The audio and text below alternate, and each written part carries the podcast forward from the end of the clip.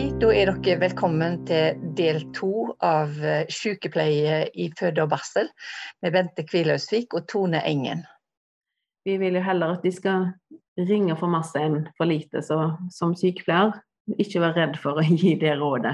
Mhm. Ta den lille telefonen hvis du ikke klarer å slå deg til ro, eller hvis du føler at noe ikke stemmer. Ja. Så sykepleieren kan sånn sett ringe, men sykeple eller sykepleierstudenten, men det er kanskje enda bedre å be den som er gravid om å ringe. Ja, det er det. Fordi at man skal ha en hel rekke opplysninger, og da er det mye enklere å få snakke med den som eier problemet. Mm. Ja, det er det. Du, noen studenter får punktpraksis, altså de får en eller to dagers praksis på en føde- eller barselsavdeling. Mm. Sånn at de får liksom muligheten til å ja, møte eh, fødende. Og, og eh, møte Ja. mor og barn rett etter og far etter eh, fødselen. Mm. Så er det mye som skjer der, eller hvordan er det? Det er der det skjer, vet du. Ja. ja, um, de som skal i punktpraksis på fødeavdeling, eller fødeenhet, mm. eh, kan jo gjerne altså, forberede seg litt på at det kan bli en del venting når de kommer eh, til Ja. fødeavdelingene. Mm. For det, som jeg sa, at det å, å ta imot barn er en veldig liten del egentlig av jordmor sine arbeidsoppgaver. Mm. Det å følge opp under fødsel mm. er en større del av det. Og noen ganger så passer det at sykepleierstudenten er med i den, den perioden fram mot fødsel, Mhm. men ikke alltid. Mhm. Det å lede ei kvinne gjennom fødsel handler om å knytte bånd eh, og skape en relasjon, Mm. og den skal helst ikke forstyrres for mye. Så Mhm. alle kvinner som føder i Norge har, har i utgangspunktet rett på å ha ei jordmor hos seg så mye hun vil hele perioden hun er i fødsel. Mm. Og det er et av kvalitetskravene til fødselsomsorgen i Norge. Mhm. At eh, alle som er i aktiv fødsel, så kan man snakke om hva som er definisjonen av det, har Mhm. rett på å ha ei jordmor tilgjengelig så mye hun ønsker det, eller så mye hun har behov for. Ja. Men det betyr jo òg da at jordmor ikke kan være opptatt med andre ting. Og det å veilede studenter som kommer, kan av og til være forstyrrende i forhold til denne én-til-én-retten eller behovet eller den oppfølgingen man prøver å få til. Mm. Sånn at noen ganger så vil vi kanskje kunne oppleve at som sykepleierstudent så kommer du, og så er alle veldig opptatt med masse å springe rundt og har det travelt, og så får jeg ikke være med, og så blir jeg litt skuffa over det. Det kan jeg kjenne igjen fra den gangen for lenge siden jeg sjøl var sykepleierstudent, for jeg satt og venta og venta og venta. Mm. Det handler ikke om vond vilje, men det at det å bygge relasjoner i ekstremsituasjoner som gjør en fødsel, er vanskelig. Mm. Og er lett å forstyrre. Mm. Og så er det forskjell på folk. så Hos noen føde kvinner så vil det gå helt greit, og da får du Mm. være med. Og hos noen så er det ikke greit, og da må du vente. Mm. Eh, akkurat når barnet skal fødes, så får, eh, så får de aller fleste studenter lov å være med inn, men de må Mm. holde seg i bakgrunnen. Mhm. For nemlig å ikke forstyrre det her konsentrasjonen og arbeidet som skal gjøres. Mm. Så må man òg som eh, sykepleierstudent å være, være obs på at eh, det kan være mange sterke inntrykk. Mm. Det kan være mye lyd, det kan være mye lukter, det kan være en helt annerledes måte å jobbe på enn man kanskje er vant til å ha sett i andre typer praksiser. Mm. Der man kan altså, snakke med ganske høy stemme og være litt sånn 'Nå må du høre på meg'. At Mhm. det er en helt, ikke en helt vanlig, men det er en måte å kommunisere på som kan være nødvendig Mm. av og til. Og at det kan være mye blødning, det kan være hektisk aktivitet. Og man kan òg risikere å få en sånn type kortbeskjed som 'flytt deg'. Mm. Og så får vi snakke om etterpå hvorfor ble det sånn. Jo, fordi vi måtte ha deg av veien, for nå begynte det å brenne under føttene på oss. Mhm. Men eh, det er greit å kunne som, som sykepleierstudent finne seg en plass, stå der, være obs på hva som skjer. Eller sitte. Hva sa du? Eller sitte. Eller sitte. ja, det kan jo være smart. Kanskje være en god idé å sitte, men også få en forklaring etterpå. Hva Mm. var det som skjedde nå? Hvorfor ble det sånn? Hvorfor snakket du på den måten? Hvorfor Mm. ble det så masse? Altså, så kan man gå gjennom det etterpå. Ja, og, høre, da, da kan en nå snakke om det, Er dette sånn det pleier å være, Ja, eller var det litt annerledes enn det pleier? Eller sant? hva var spesielt her?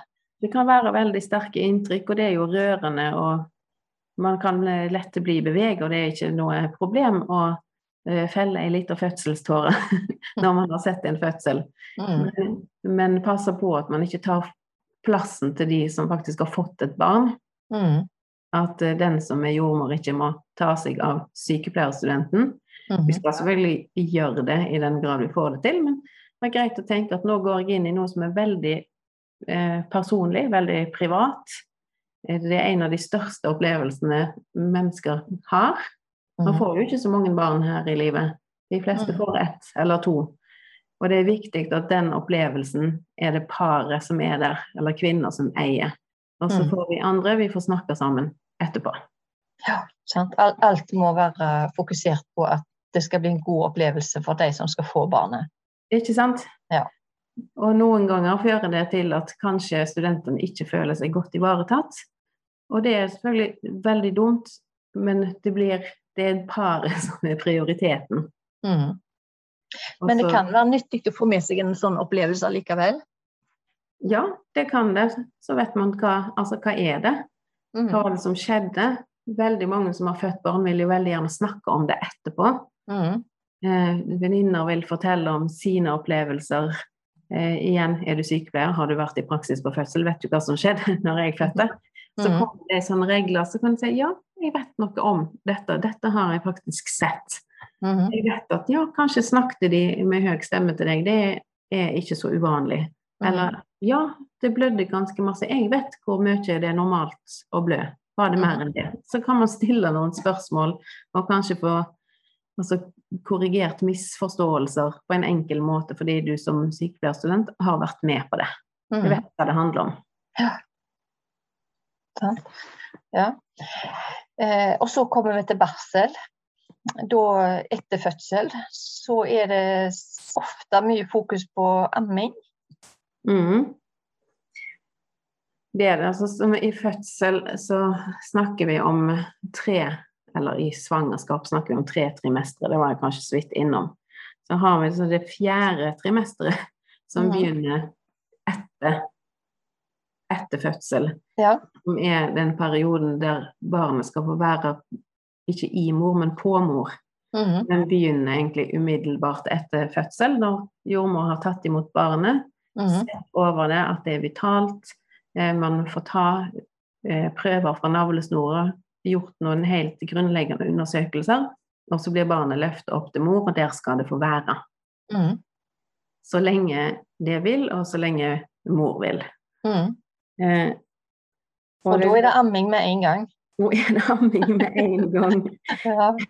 Og man kan si mye om amming, og jeg tror kanskje ikke vi skal gå inn på den, den eh, debatten om amming og ammepress og, og sånn, men det som er egentlig viktigere enn ammingen i den perioden, er at det skjer en tilknytning mellom mor og barn. ja. Og det kalles også for tilknytningsfasen, selv om man sier at den starter allerede i graviditeten, når mor knytter seg til det ufødte barnet sitt. Mhm. Begynner å drømme om det, lage planer sammen med det. Mm holde på å si snakke med det gjennom å dytte på magen eller synge for barnet sitt før Mhm. det er født. Mens, eh, mens rett etter fødsel, når barnet blir, er på utsiden og ligger på mor, så fortsetter den tilknytningsfasen. Og hele biologien vår er jo lagt opp til at vi skal være veldig mottagelige for signaler fra andre i den første perioden etter fødsel. Mm. Sånn at ja, amming driver vi mye med. Tilknytning mellom mor og barn, enda viktigere. Ja. Og vi bruker en del tid på å observere den type tilknytning. Ja. Hvordan reagerer mor når barnet gråter? Mm. Eh, tar hun det opp? Legger det eh, i sengen sin eller til brystet? Mm. Eh, eller Forsøker å trøste. ja, forsøker å trøste det. Eller reagere på en annen måte. Det Mm. bruker vi en del tid på, på å observere. Mm. Eh, amming, ja. Eh, som jeg sa, altså barnet blir løfta opp til mor, og der skal det være. Og tommelfingerregelen, eller regelen, er at barnet skal ligge hud mot hud med mor til den første ammingen har skjedd. Mm. Og det kan skje ganske umiddelbart, men som regel i løpet av den første timen, to timene etter fødsel. Mm. Så skjer det.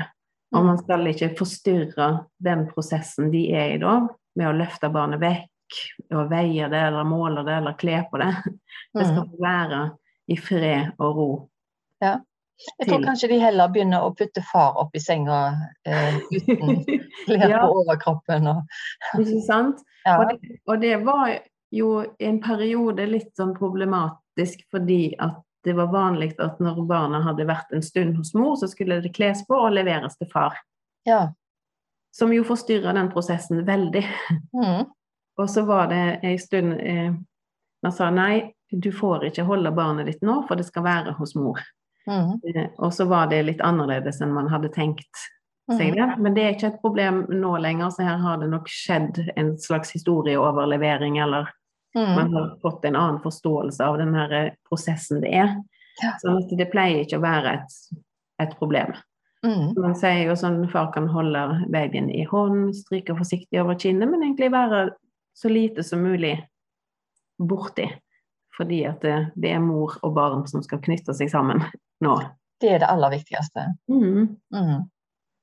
Eh, Så kommer det her med amming opp igjen i flere omganger i den tiden mor og barn er på barsel, men den tiden er jo så kort nå.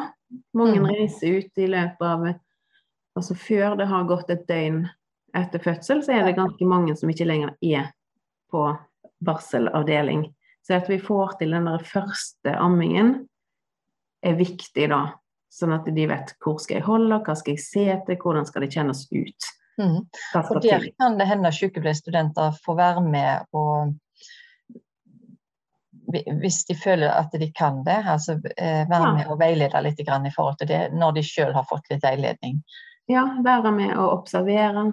Alt Mm. hvis du er sykepleierstudent og er på en barselavdeling.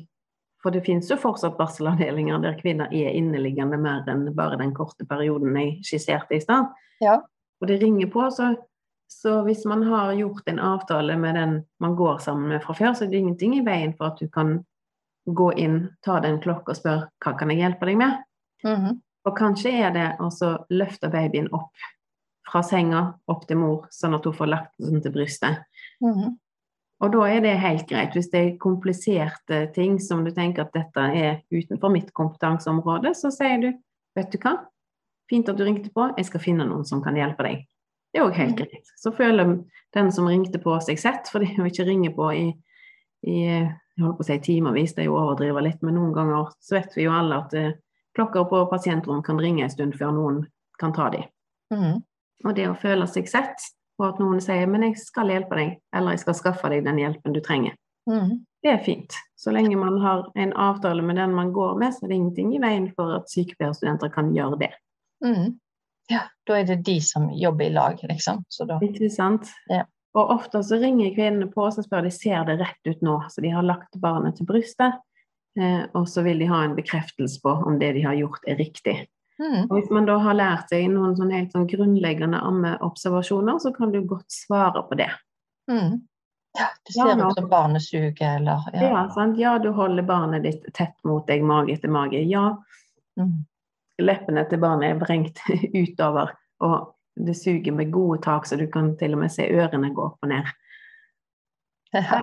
Nei, nå ser det ut som nå ser det ut som barnet ditt suger med trutmunn og lager smilehull når det dier. Mhm. Da syns jeg du skal prøve igjen, men jeg kan finne noen som kan hjelpe deg. Ja, sant. Og dette fins jo altså fins det pensumlitteratur om. Ja da, vi trenger ikke gå langt inn på alt det, men det, det, det, der handler jo om å, ja, å, å holde det friske friskt igjen, ikke sant? Holde, ta vare på brystvortene, rett og slett. Ja, det gjør det. Altså bare skaffe seg en helt sånn grunnleggende forståelse av hva det er som skal skje, hvordan det skal se ut, og vite Mm. hva kan jeg faktisk ikke svare på. Mm. Det er viktig. smerter etter fødsel er det jo en del kvinner som har. Eh, Mhm. har eh, blødning etter fødselen. Eh, hva vil du si der? Ja, hva vil jeg si der? Altså, ja, vi har ikke snakket noe om smerter i fødsel. Det er jo et stort kapittel. Nei, ja, det er kan vi jo kanskje ta utenom. Men Ja. veldig mange kvinner har vondt etter fødsel. Altså, det gjør vondt å føde barn, og det gjør vondt etterpå òg. I Mm, større eller mindre grad. ja. Eh, eh, det kan være fortsettelse på bekkensmerter som de har hatt fra før. ja. De kan ha fått små eller større rifter som er sydd under fødsel. Det har vært et voldsomt trykk og press, så de kan være hovne i underlivet. Altså det er veldig mange ting som kan gjøre vondt, og det gjør det gjerne. Og vi Mm. pleier å være ganske liberale med, med smertelindring til de. Mhm. Eh, men vi tilbyr de jo da bare medikamenter som vi vet at de kan bruke sammen med amming. Mhm. Men altså helt vanlige smertelindrende midler som Paracet og Naproxyn Ibux bruker vi. Til Ja. veldig mange. Ja. Eh, når det gjelder blødning, så er det jo mange som syns at sånn jordmødre har et eh, litt eh, liberalt forhold til det med blod. ja. Det er helt vanlig å blø opp mot en halv liter under en fødsel. Ja. Eh, og hvis du heller det utover gulvet, altså måler opp eh, fem desiliter vann i et eh, målebeger og heller det ut, så ser du at det er ganske mye. Det Mm. ser mye og voldsomt ut. Eh, etter en fødsel så vil du òg blø friskt første døgnet etter Mm. fødsel, og så gradvis avta. Mm. Det vil være helt normalt. ja. Så det kan en si. Det kan en svare Ja, på hvis jeg Det kan sånn man svare på. Og gi generelle råd som ja, når du blør mye, skift bind ofte. Skyll deg med hånddusj. Um, hvis du får vondt i magen og det kommer type koagler, må du si ifra til oss. Sånn skal det ikke være. Men at ja, det blør og det er masse og det er mye styr, og mange blir liksom fortvila fordi det. at ser på alt det blodet her, og hvordan skal jeg få Altså, skal det være sånn? Altså, ja, det skal gjerne være sånn det første døgnet, så skal det avta. Ja, Og så skal det på en måte kanskje være litt sånn eh, sammentrekninger i magen. I, altså livmor trekker seg sammen og skal bli liten igjen. Og det er vel Ja. litt av grunnen til at det blør òg. Det er en sånn type renselsesprosess. Ja. Det er nok noe som henger igjen fra gammelt av, altså renselse som om man trengte å rense seg når man har fått et barn. Men Men- iallfall så må jo, jo livmoren må jo bli liten igjen. Livmoren må bli liten igjen, og den må Ja. støte ut det laget med Altså, det har jo bygd seg opp et kraftig lag med slimhinner som morkaka har vært festa i, og det blør òg fra det området der morkaka Mm. har sittet. Mhm. Så ja, det blør. Det blør relativt mye, men det er en del av en naturlig prosess. Mm. Der livmora skal vende tilbake igjen til den tilstanden den var i før du ble Mm. Ja. Så da er jo livmora på størrelse med ja, ikke, ei plomme eller ei lita pære. Og så vokser den jo opp og strekker seg fra Og så vokser ut over symfysekanten og strekker seg helt opp til ribbeina og veier over en kilo. Og så Mhm. skal den trekke seg sammen igjen og bli i pærestørrelse i løpet av ja, fire, fem, seks uker. Ja, og da må det komme ut noe. Må det nødvendigvis komme ut noe? Og det med å kjenne til en sånn normal renselsesprosess, selv om jeg ikke liker det ordet, så er det nå det det heter. Det kan òg være greit å ha litt sånn grunnleggende kunnskaper om det. Hvor lenge skal det blø friskt? Mhm. Hvordan vil denne renselsen arte seg? Vil den skifte farge? Hva skal jeg gjøre hvis det plutselig begynner å lukte rart av den? Det kan det være greit å vite noe om. Mm. Sant? Så det er, ja, det er fint å kjenne til. Mm. Og så er det den lille babyen. Der er det mange ting som blir testa av lege og jordmor. Ja, altså vi begynner jo med karakterskala på disse her små ganske tidlig. Eh, allerede ett minutt etter fødsel så blir den første systematiske observasjonen av nyfødte gjort gjennom noe som heter Apgar-score. Hva er, hva er den testet da? da skaper man seg et blikk av vitaliteten til barnet ved å se på hvor fort det puster, eh, hvor fort hjertet slår, om babyen skriker, om den har gode reflekser, og hvilken farge den har. Mm. Eh, og så gjentar man den observasjonen etter fem minutter, Mm. og igjen etter ti minutter hvis det er nødvendig. Mhm. Men man setter denne type Apgar-score etter ett minutt og etter fem minutter. Og det skal føres i journalsystemet til barnet. Så det, det må man gjøre. Eh, og så tar man òg et overblikk over barnet. Sånn, kjenner over ryggsøylen, om den kjennes hel ut. Ser på hender og føtter. Får overblikk over om alle fingre og tær er der. Kontrollere kontrollerer ganen. Eh, og alt dette kan en erfaren jordmor gjøre ganske fort. Mm. Allerede med en gang barnet er født. Ja. Eller når det er blitt løfta opp til mor. Men som regel så gjør man dette litt sånn gradvis underveis de første to timene etter fødsel. Mm. Ja, det blir, det blir en del av det kliniske blikket til en jordmor. Ja, ja, det kan være greit for, greit for sykepleierstudenter og sykepleiere å kjenne til. Ja, at når jeg løfter barnet opp og drar en hånd over ryggen, så er det fordi jeg vil kjenne etter om ryggraden er hel. Mm. Når jeg kikker inn i munnen til babyen og bruker en finger for å kjenne i ganen, så er det for at de skal kjenne om den er lukka. For hvis den ikke er det, så vil det være vanskelig for barnet å die. For eksempel. Mm. Absolutt. Mm. Så videre så skal alle nyfødte undersøkes av barnelege før de kan forlate fødeenheten.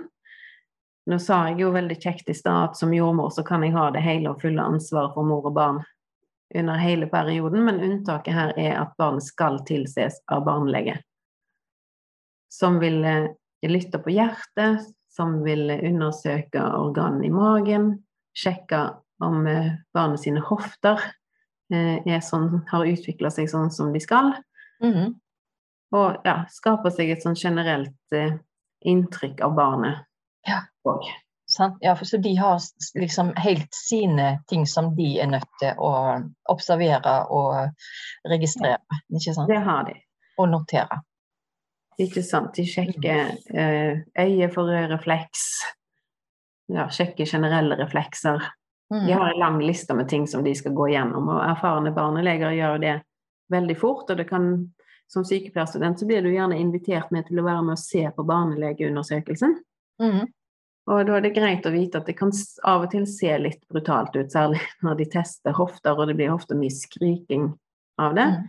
Men dette er òg undersøkelser som er nødvendig å gjennomføre for å kunne sikre at barnet har god helse, eller tilby hjelp til de som trenger det. Det er en del av en screening, rett og slett. Det er en del av en screening. Det blir òg målt eh, blodsukker eh, to timer etter fødsel av veldig mange nyfødte, altså ved risikofaktorer hos mor, som f.eks. svangerskapsdiabetes eller alder eller høy kroppsmasseindeks. Så skal det òg måles eh, blodsukker av barn. Mm. Ja. Så er det noen babyer som kanskje ikke helt med en gang, men at de eh, Vi ser at de blir litt gule. Eh, og det har noe med at de har et høyt eh, HB når de ligger inni magen, Mhm. og så brytes det ned. Ja. Ikke det sånn? Ja. Det er helt riktig, altså. Veldig bra. ja, Um, og det er jo òg en av de tingene som barnelegen ser på. Altså, eh, barnelegeundersøkelsen kan det først skje seks timer etter fødsel. Vi hopper litt tilbake igjen til den, for det, det kom jeg på nå. At den kan ikke gjennomføres når som helst, men ikke før barnet er minst seks timer gammelt. Mhm. Eh, og det har noe med den lukkingen av hjertet å gjøre. Eh, noen barn blir jo ikke undersøkt av barnelege før det har gått nesten et døgn, og det vil jo være helt ok så lenge de framstår som vitale for jordmor å passe på dem. Ja. Da kan man nok av og til begynne å se om de har skifta farge og blitt gule, sånn som det du sa. Ja. Eh, og det med altså gulsott kalles det for. Det er jo en sånn, sånn som man kan få hvis man har eh, type leverbetennelse. Det er Mhm. ikke det det handler om her, men det er altså en lever som ikke klarer å ta unna den nedbrytingen av røde blodlegemer som du snakket om. ja, for det går litt fort, ikke sant? Det går litt fort, de har en veldig høy, eh, høy HB når de ligger intrauterint, Og den trenger ikke de lenger når de begynner å puste sjøl og ikke lenger får all, all oksygenen sin gjennom navlesnora, men Mm. gjennom egne lunger. Så begynner den nedbrytingen, ja. Mm. Så det kan være litt greit å kjenne til at det er på en måte så er det normalt på den måten at det er egentlig ganske mange babyer som blir litt gule. ja Eh, Men så må man en observere om de blir veldig gule eller ikke. Og så Det er en fysiologisk prosess, og det kalles jo òg ja. altså fysiologisk ikterus, eller altså fysiologisk gulsott, da. mm, Eh, Og de fleste blir litt sånn eh, gylne i huden. Og så er det spørsmålet når er det for mye? Mm, Som den sykepleieren som får en telefon eller møter en bekjent som sier du syns babyen er litt kul, se på den da. mm, Så er det jo viktig å tenke at ja, det er en normal prosess, men veldig høyt bilirubin-nivå er jo giftig for kroppen. Ja, det er giftig for hjernen, er ikke det? Det er giftig for hjernen særlig. Ja. Sånn at eh, det er all grunn til å være obs ja. På det med billig rubin og farge. Ja. Særlig hvis babyen samtidig eh, kanskje blir litt trøtt og slapp, ikke våkner når han skal ha mat, Mhm. spiser mye kortere perioder, kan Ja. se at eh, de ikke lenger har Altså de ikke krøker seg sammen sånn som babyer gjør når du tar i dem, altså, men de er litt slappe i kroppen og har dårlig tonus. Det vil være et tegn på at eh, her har bilirubin-nivået begynt å stige så mye at det greit å få en kontroll av det. Greit å ringe inn Det er til greit å ringe da, sånn at de kan komme inn og få, sjekke sjekka det. Rett og slett. Eh, Absolutt. For dette her kan jo være når, eh, når mor og barn har kommet hjem, ikke sant? Ja, i hvert fall nå, sånn som de reiser Mhm. så tidlig hjem, så kan det absolutt være det. Mm. Ja. En annen ting kan jo være eh, altså, Noen babyer griner veldig masse. Mhm. Eh, sant? Og det kan jo være kanskje forskjellige grunner til det. Og du snakket om det her med at det kan jo være at babyen er sulten. Ja, det kan det. Det snakket vi vel om når vi planla dette, ja. Jeg tror det. ja.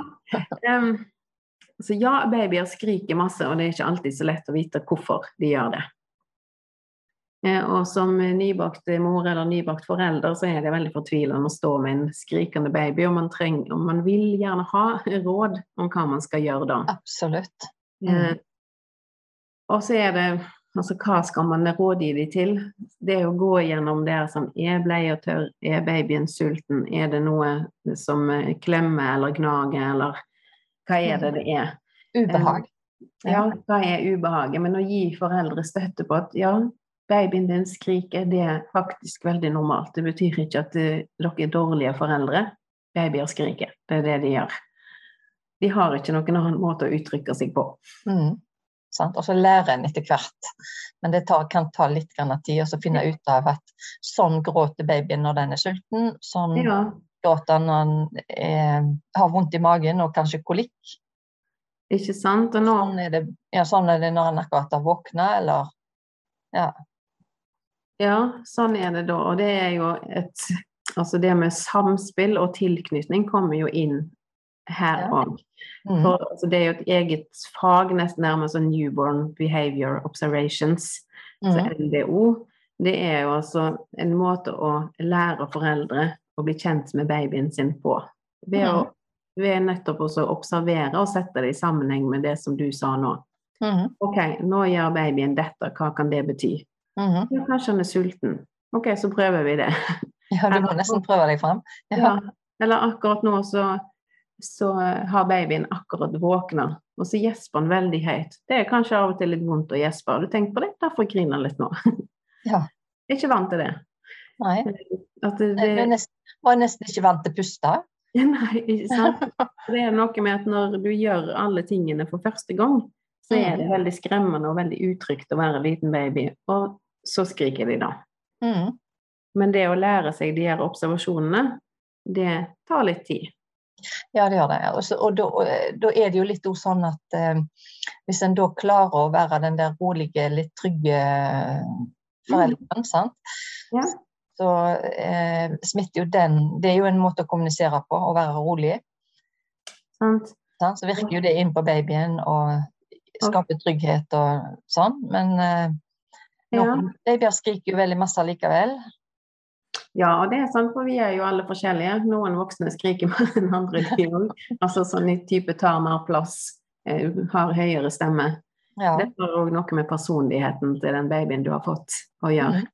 Men det å stå som eh, en fortvila nybakt forelder da, med en baby som bare skriker, så er det alltid greit å få, altså få en slags indikasjon på at ja, men det er, altså det er normalt, uten at det blir flåsete, selvfølgelig, for at man er jo fortvila.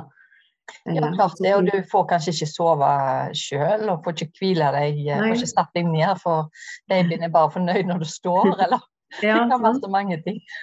men bare det at noen eh, orker å høre på deg, og, Mm. eller kommer og holder babyen litt, og så får du vet ikke, gått på do og spist ei skive. Ja, det kan være smart. Det kan være veldig smart, og, og det kan selvfølgelig alle gjør, men det å få råd fra mennesker som er i ferd med å bli utdannet helsepersonell, det, det hjelper litt, det òg, altså. Mm. Mm, det gjør det.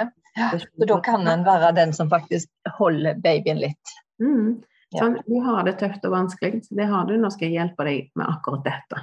Mm. Og så finner, vi, finner dere ut av det etter hvert. Mm. Eh, og altså, jeg snakket jo litt om det her med tilknytning, og det, det er jo ikke noe Det er jo ikke en av de en av de undersøkelsene vi har sånn systematiske observasjoner på. Vi var så vidt innom sånt, hvilke undersøkelser er det vi gjør av nyfødte, og hvilke er det vi gjør av mor. Mm. Men det er altså Det med det her jeg har snakket om klinisk blikk, eller det å kunne se hvordan samspillet er mellom de, det er Mm. noe man må øve seg opp på, men òg det å kunne rådgi sånn at de har muligheten til å lage en god relasjon, Ja. Er viktig. Mm. Ja. ja du, har, du har vært inne på ganske mange ting der. Så vi trenger ikke gå eh, sånn veldig mye dypere i det akkurat nå. Men Mhm. eh, så handler det jo om at eh, helsesykepleier overtar mye av ansvaret som ja, for, det som følger på, på en måte. Sant? Da reiser de gjerne hjem tidlig fra sykehuset, og eh, jordmor kommer hjem på besøk. I de aller, aller fleste kommuner nå, ja, så er det, er det hjemmebesøk av jordmor etter fødsel. Mm. Eller jordfar, det kom jeg på nå.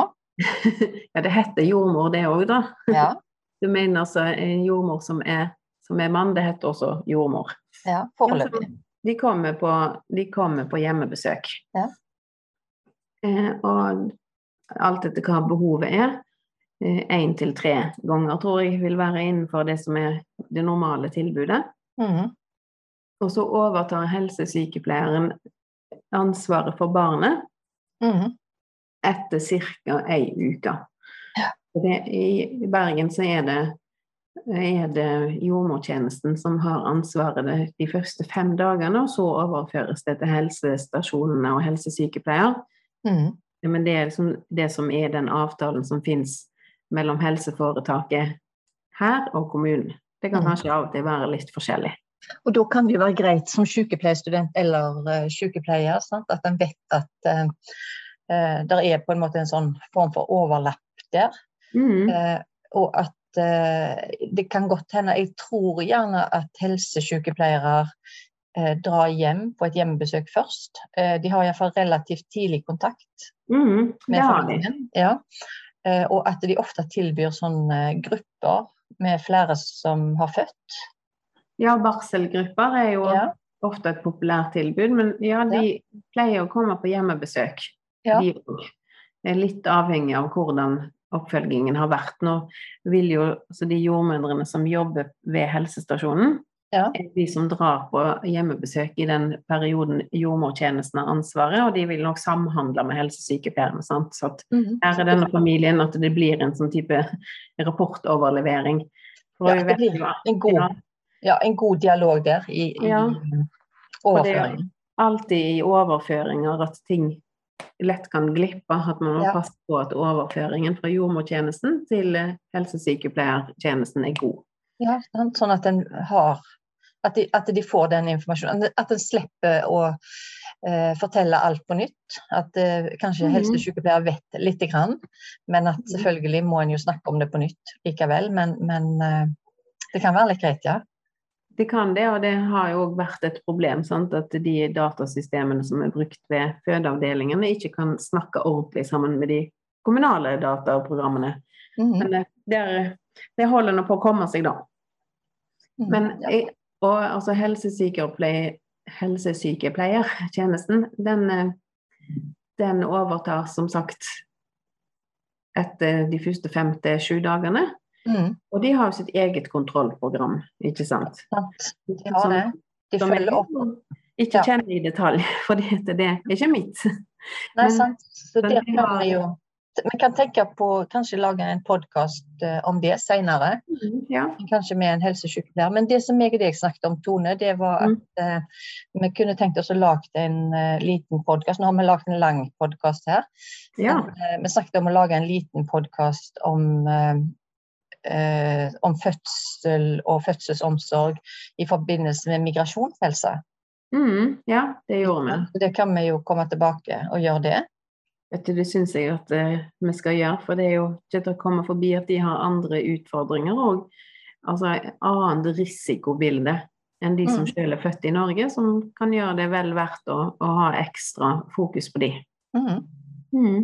Kjempeflott. Men da skal vi si ha det for nå. Ja. Takk for praten.